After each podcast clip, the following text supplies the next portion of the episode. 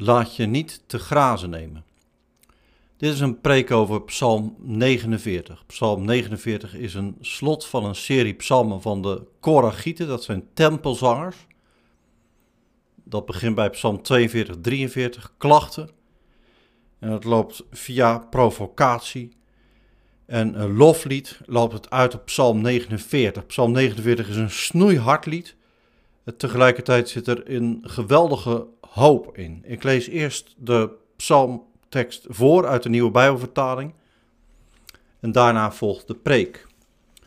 Voor de koorleider van de Koragieten een psalm. Hoor, alle volken, luister, bewoners van de wereld, mensen, kinderen van Adam, rijk en arm, iedereen.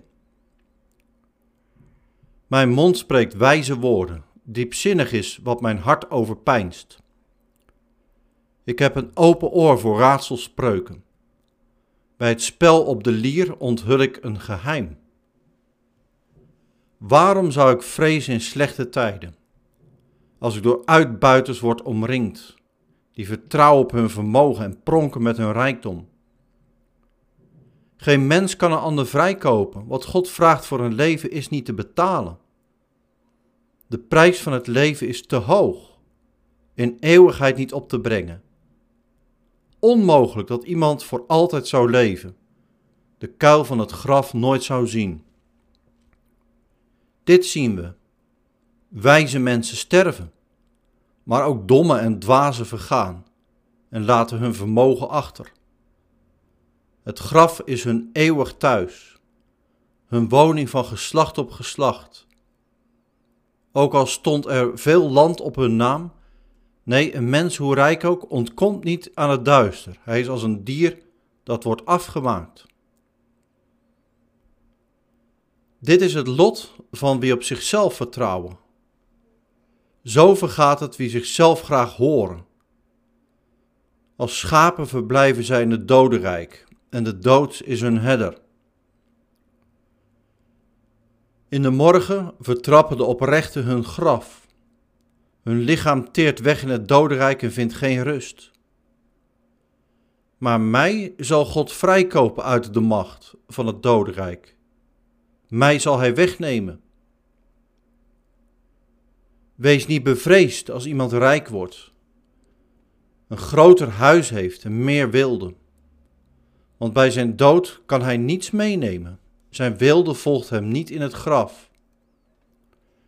Ook al prijst hij zich gelukkig met zijn leven, wie roemt je niet in voorspoed? Hij zal zich voegen bij zijn voorgeslacht, bij hen die het licht nooit meer zullen zien. Een mens zonder inzicht, hoe rijk ook, is als een dier dat wordt afgemaakt. Tot zover het woord van God. Gemeente van de Heer, beste luisteraar, Ken je die grap van die rijke man? Op zijn sterfbed gaf hij de opdracht een tas vol goudstaven in zijn graf te leggen. Je weet maar nooit, misschien komt het van pas. Toen die man bij de hemelpoort kwam, vroeg Petrus wat er in zijn tas zat. De man deed de tas open. Straatstenen, zei Petrus verbaasd. Er wordt in de Bijbel gezegd dat het Nieuwe Jeruzalem de straatstenen van goud heeft. Petrus zei, daar hebben we meer dan genoeg van. Blijf jij maar buiten. Vandaag lezen we Psalm 49. Het lied waarschuwt voor vertrouwen in rijkdom, bezit en voor eigenwaan. Vandaag luisteren we voorlopig in ieder geval voor het laatst naar een psalm van de Koragieten. Die lopen van psalm 42, 43 tot en met psalm 49. De psalmen van de Koragieten gaan over moeite en lijden en het waarom daarvan. Die liederen klagen, Psalm 42, 43, provoceren, Psalm 44. Ze jubelen ook, Psalm 46, en juichen, 47. En ze getuigen van trots, 48. En als je dat zo leest, dan vraag je af, waar loopt het nou op uit? soms dan zeg je dat iets met een sisser afloopt. Nou, zo niet met deze psalmen. Psalm 49 is snoeihard en buitengewoon troostrijk. Het lied gaat over de dood. Dat lijkt zeker op het eerste gezicht geen aantrekkelijk onderwerp. Al is het natuurlijk wel zo dat we vanwege het virus COVID met de dood werden en worden geconfronteerd. Heel sterk in andere landen, Verenigde Staten, Italië, maar ook in ons eigen land en soms tot heel dichtbij aan toe. Het slot van Psalm 49 zegt dat een mens, hoe rijk ook, uiteindelijk als een beest wordt afgemaakt. De Koragieten nemen geen blad voor de mond. Het is bepaald niet subtiel wat hier staat. Waarom dit einde van deze schitterende psalmenreeks? Wat wil Psalm 49 zeggen? Psalm 49 is wijsheidsliteratuur. Vergelijk het lied met Psalm 1 over twee wegen dat je moet kiezen. Met de Bijbelboek Prediker of Spreuken. Psalm 49 zegt aan het begin: iedereen moet luisteren, iedere kind van Adam, wordt er gezegd. Hier spreekt niet een wijsneus of een roeptoeter. Ook deze dichter die krijgt maar te horen wat wijsheid is. Lees vers 5.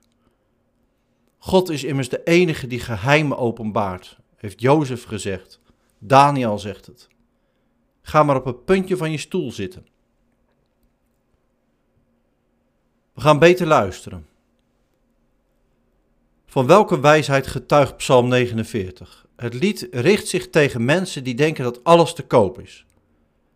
Dat het leven maakbaar is door er jouw stempel op te zetten. Mensen die pronken met hun geld, hun bezit en vooral met zichzelf en daarbij niet om anderen geven. Psalm 49 protesteert tegen deze way of life. Leven is Gods gave. En jij mens bent sterfelijk. Niets kan je uit het graf houden. Psalm 49 zegt dat bepaalde mensen de neiging hebben om hun naam overal op te zetten. Op hun land, op hun huis, domeinnamen, noem maar op. Psalm 49 spot daarmee, want op een dag dan sterf je. Vers 10. Je komt in de duisternis, vers 13. Zo zag men in die tijd de dood, de duisternis, de kuil van het graf. Denk aan Psalm 88. En een ander, die krijgt jouw bezit. Er is geen polis die je vrijwaart van doodgaan. Er bestaat geen onsterfelijkheidspil zoals wij vandaag graag zouden willen. In onze cultuur hebben we de dood naar de marge verdrongen. En of we beschikken zelf over ons levenseinde. Psalm 49 laat merken dat we niet om de dood en om de hardheid van de dood in het definitieve karakter ervan heen kunnen. Je denkt misschien, waarom staat dit nou allemaal zo uitgebreid in deze psalm beschreven? Is het een soort jijbak hè, van lekker peur, jij gaat er ook aan? Nee. Psalm 49 zegt, het gelijke eind van ieder mens zet scheef getrokken verhoudingen recht. Je bent allemaal gelijk.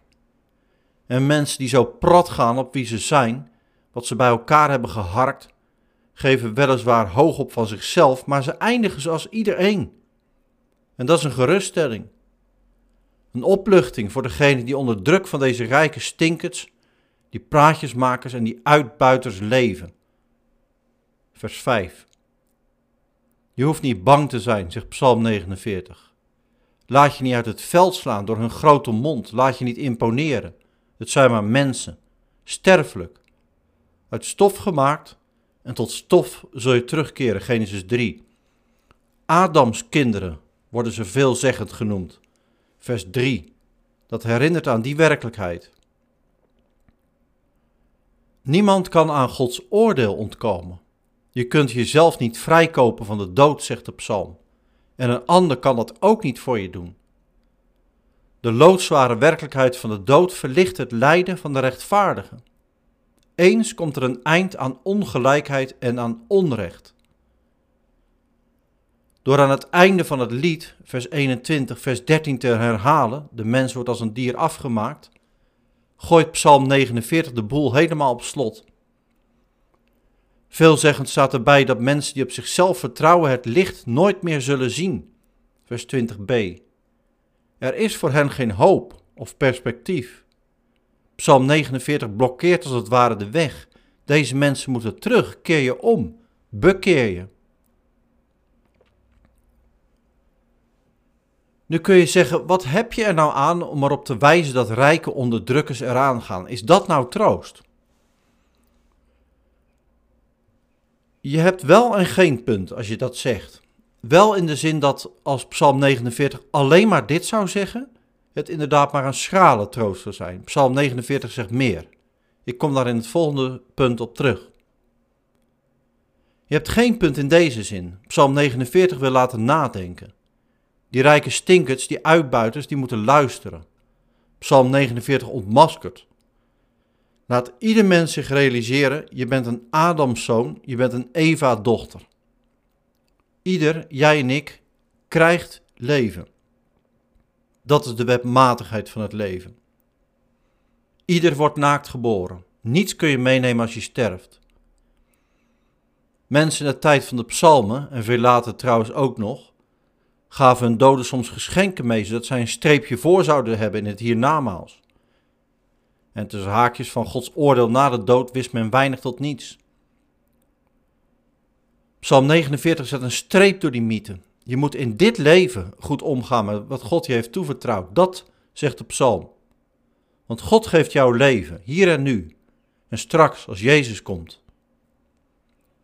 Denk je echt dat als je sterft en voor God komt te staan, dat God zich dan laat afschepen met een tikkie, zodat jij groen licht krijgt?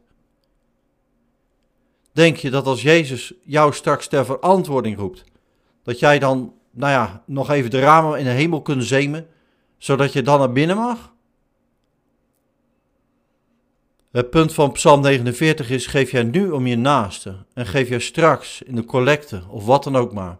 Waar is je hart? En welke toekomst denk jij? In vers 17 staat iets belangrijks. Er staat hier rijke mensen die zijn bezig met hun eer, staat de vertaling. Dat is een belangrijk woord. Je mag ook het ouderwetse woord heerlijkheid gebruiken. Dat zie je wel eens bij prachtige landerijen. Als je daar langs fietst of langs wandelt, dan staat er, dit is de heerlijkheid en dan volgt die naam. Dat gaat over de pracht, de roem.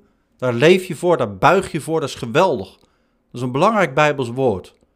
God zegt altijd dat het om zijn eer, zijn heerlijkheid gaat. En zo sluiten we ook het gebed af dat Jezus ons heeft geleerd. Want van u is het koninkrijk de kracht en de heerlijkheid, tot in eeuwigheid. Dat is het punt van Psalm 49. God wil aanbeden worden, verheerlijkt. Psalm 49 roept ieder mens daartoe op. Een goede verhouding met God zal je ook helpen in de juiste omgang met wat je is toevertrouwd. En dan is iedereen goed af. Die overtuiging heeft het lied. Nog een stap verder, dat gaat over de wonderlijke redding die klinkt in het lied. Waarschuwt Psalm 49 voor rijkdom? Ja, kun je zeggen. Denk aan wat de Bijbel nog meer zegt op dit punt. Jezus heeft dus gezegd: het is voor een rijke moeilijk om het koninkrijk binnen te gaan. Matthäus 19. En de broer van Jezus, Jacobus, die fulmineert tegen de rijken van de wereld. Jacobus 5. Het is wel zaak om goed te lezen en niet simpelweg te zeggen: jongens, wie rijk is, die moet uitkijken. Denk aan Bijbelse figuren als Abraham of Job, die steenrijk waren. Het gaat in de Bijbel altijd om meer, om meer dan geld, bijvoorbeeld, of om meer dan andere concrete dingen. Psalm 49 is zo hard vanwege de beeldspraak. Wie op zichzelf vertrouwd is als een schaap in het dodenrijk. De dood is je herder. Vers 15. Dat is precies het tegenovergestelde van bijvoorbeeld Psalm 100, Psalm 23 waarin Gods kinderen zeggen dat zij Gods schapen zijn en dat God hen altijd wijdt en verzorgt. Psalm 49 is zo hard omdat het persoonlijk is. De dood zien wij snel als het einde van het leven. Dan zeggen we, je blaast je laatste adem uit. Psalm 49 maakt een persoon van de dood. Hij, de dood, neemt je te grazen. Psalm 49 doet hierin denken aan de manier waarop de heilige apostel Paulus spreekt over de zonde en de dood. Hij spreekt over zonde en dood als waren het personen, machten, machtige personen waar jij en ik niet tegenop kunnen. Denk aan Romeinen 6. En dat maakt het echt gruwelijk. Je denkt vrij te zijn, je bouwt je leven op, je imperium. Wat zou jij je aantrekken van God en je naaste? Geniet. En ondertussen heeft tijdens je leven de dood je al te pakken. En zo snap je ook dat harde woord aan het einde van de psalm. Wie zo leeft wordt afgemaakt als een beest. Dat doet de dood. Vroeger werd de dood wel eens afgebeeld als de man met de zeis. Als je sterft is zijn karwei klaar, het karwei waarmee hij al een poos bezig was. Als dit zo is, als dit de realiteit is, geschetst in de psalm, wat valt er dan voor Gods kinderen toch te juichen? Je kunt toch lastig blij zijn met het feit dat een ander er aangaat als datzelfde lot jou ook treft. Ja, gemeente, luisteraars, juist op dit punt is Psalm 49 zeer uitzonderlijk. En daarmee bedoel ik dit: het Oude Testament spreekt niet of nauwelijks over leven na dit leven. Gelovigen spreken in die tijd ook over de duisternis van de dood, de kuil, het graf als de plek waar het allemaal ophoudt. Maar Psalm 49 staat helemaal met de rug tegen de muur. En in die benauwdheid komt er ruimte. De psalm schalt, vers 15, C en 16. Daar staat dit. In de morgen vertrappen de oprechten hun graf. Dus het graf van die uitbuiters. En God zal mij vrijkopen uit de macht van het dodenrijk. Mij zal hij wegnemen. Wat een perspectief. En dat geheel van het Oude Testament. Wat zo zwijgzaam is op dit punt. Waar haalt Psalm 49 het vandaan? Onbekend. Nou ja, de dichter hoort zelf een mysterie, heeft hij gezegd, vers 5. Over welke realiteit heeft Psalm 49 het? Onbekend. Dit is een klein lichtpuntje in het duister, in het onzekere. Maar juist daarom een opvallend licht, een wonderlijk, een aantrekkelijk licht. Er wordt niet gezegd wat en hoe. Ja, in de morgen. ik denk dan terug aan Psalm 46, waar God ook zoiets zegt. Hij zegt: Ik zal jullie redden vroeg in de morgen. En er staat ook dat God het zal doen. Hij zal je loskopen van de man met de zeis. Die God van wie Psalm 46, 47 en 48 al heeft gezegd: Hij is de Heer van de hemelse machten. Die God ook van wie Psalm 48 al heeft beleden, helemaal aan het eind, dat Hij ons redt tot overheen de dood. Een en al verwachting. Blijkbaar is het zo en voor dit moment genoeg. En wordt het niet meer concreet. Psalm 49 zegt: Wat gaat het worden, mensen? Leven met hoop op meer? Of gaan voor het bestaan zoals wij dat allemaal kennen en dat voor iedereen vroeg of laat eindigt in het graf? Nou, nee, dan zeg ik het toch niet helemaal goed. Psalm 49 gaat verder. De weg van zelfvertrouwen alleen loopt dood. Licht, vers 20b, is er alleen voor wie hoopt op de machtige God. Kies voor Hem. Kies voor Hem die ons alle leven geeft. Hij bevrijdt.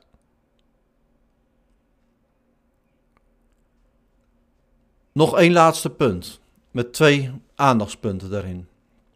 Gemeente, wij leven niet in de tijd van de psalmen. We kennen Hem van wie de psalmen getuigen, zoals Lucas zegt, hoofdstuk 24, vers 44. Jezus sterft als een losprijs voor velen, wat Psalm 49 zegt, Marcus 10, vers 45. En zo persoonlijk als Psalm 49 spreekt over de dood, zo zegt het Evangelie, zo persoonlijk is God zelf op het toneel verschenen. Om in Jezus de dood te proeven en het sterke monster te binden. Jezus heeft, om het zo te zeggen, meneer dood van zijn troon gestoten. Het monster moet zijn prooi laten gaan. Daarover ging de Goede Vrijdagpreek. Wij zijn van Jezus in leven en sterven, Romeinen 14. De opluchting van Psalm 49 is geheel de onze. En dat wil ik op twee manieren concreet maken. De kerk laat daarom het psalmenboek niet dicht. Integendeel, wat een prachtige liederen, die psalm van de Koragieten. Als je nou goed naar kijkt, dan realiseer je dit. Deze laatste in de serie, Psalm 49, draait de hele boel om. Psalm 42, 43 begint met een klacht. En Psalm 49 zegt dat je echt te beklagen bent als je Hem niet kent die je bevrijdt. Psalm 42, 43 roept en huilt. Psalm 49 zegt dat ook een verdrukt mens gelukkig is, omdat je en als je van God bent. De klacht en zelfs de provocatie, Psalm 44, dat komt niet van geknechte mensen, maar van bevrijde mensen. En dan volgt Psalm 50. Daarin staat dat God je hart zoekt. Je bent zelf het offer dat Hij geeft en vraagt. Direct gevolgd door boete Psalm 51. We zijn sterfelijk. Ja, inderdaad, omdat we zondig zijn. Kom van je troon en geef het toe, zegt Psalm 51. Wat een prachtig vervolg op de psalmen 42, 43 tot en met 49. die psalmen die, ja, die dansen als het ware zingend om elkaar heen. God is God in alle dingen. Hem alle eer, geprezen, de Vader, de Zoon en de Heilige Geest. Tot slot nog één ding. Dat is de tweede concretisering. Psalm 49 helpt ons vandaag. In de ellendige coronacrisis worden armen het hardst getroffen. Het is altijd hetzelfde liedje. Wij, westerse mensen, Nederlanders, we zijn rijk. Laten we de waarschuwing van Psalm 49 en die andere Bijbelteksten over rijkdom ter harte nemen. Ga verantwoord om met wat God je toevertrouwde aan geld en goed. En kijk zo eens om je heen wat een belangrijke debatten worden er gevoerd over schuldkwijtschelding van arme landen. Hulp in de coronacrisis, financiële hulp, materiële hulp. En debatten over de vraag waarop er bezuinigd moet worden als er minder binnenkomt. Bid gemeente, bid luisteraar om wijsheid. Dat de regeringen, overheden en ieder die een bijzondere verantwoordelijkheid heeft, zich als echte dienaren en dienaressen van God opstelt. En vergeet hierin jezelf niet.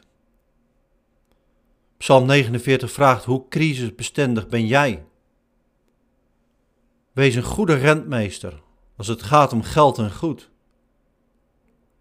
Vorige week hebben we gecollecteerd voor onze zusterkerken in India, die hulp geven in de tijd van lockdown.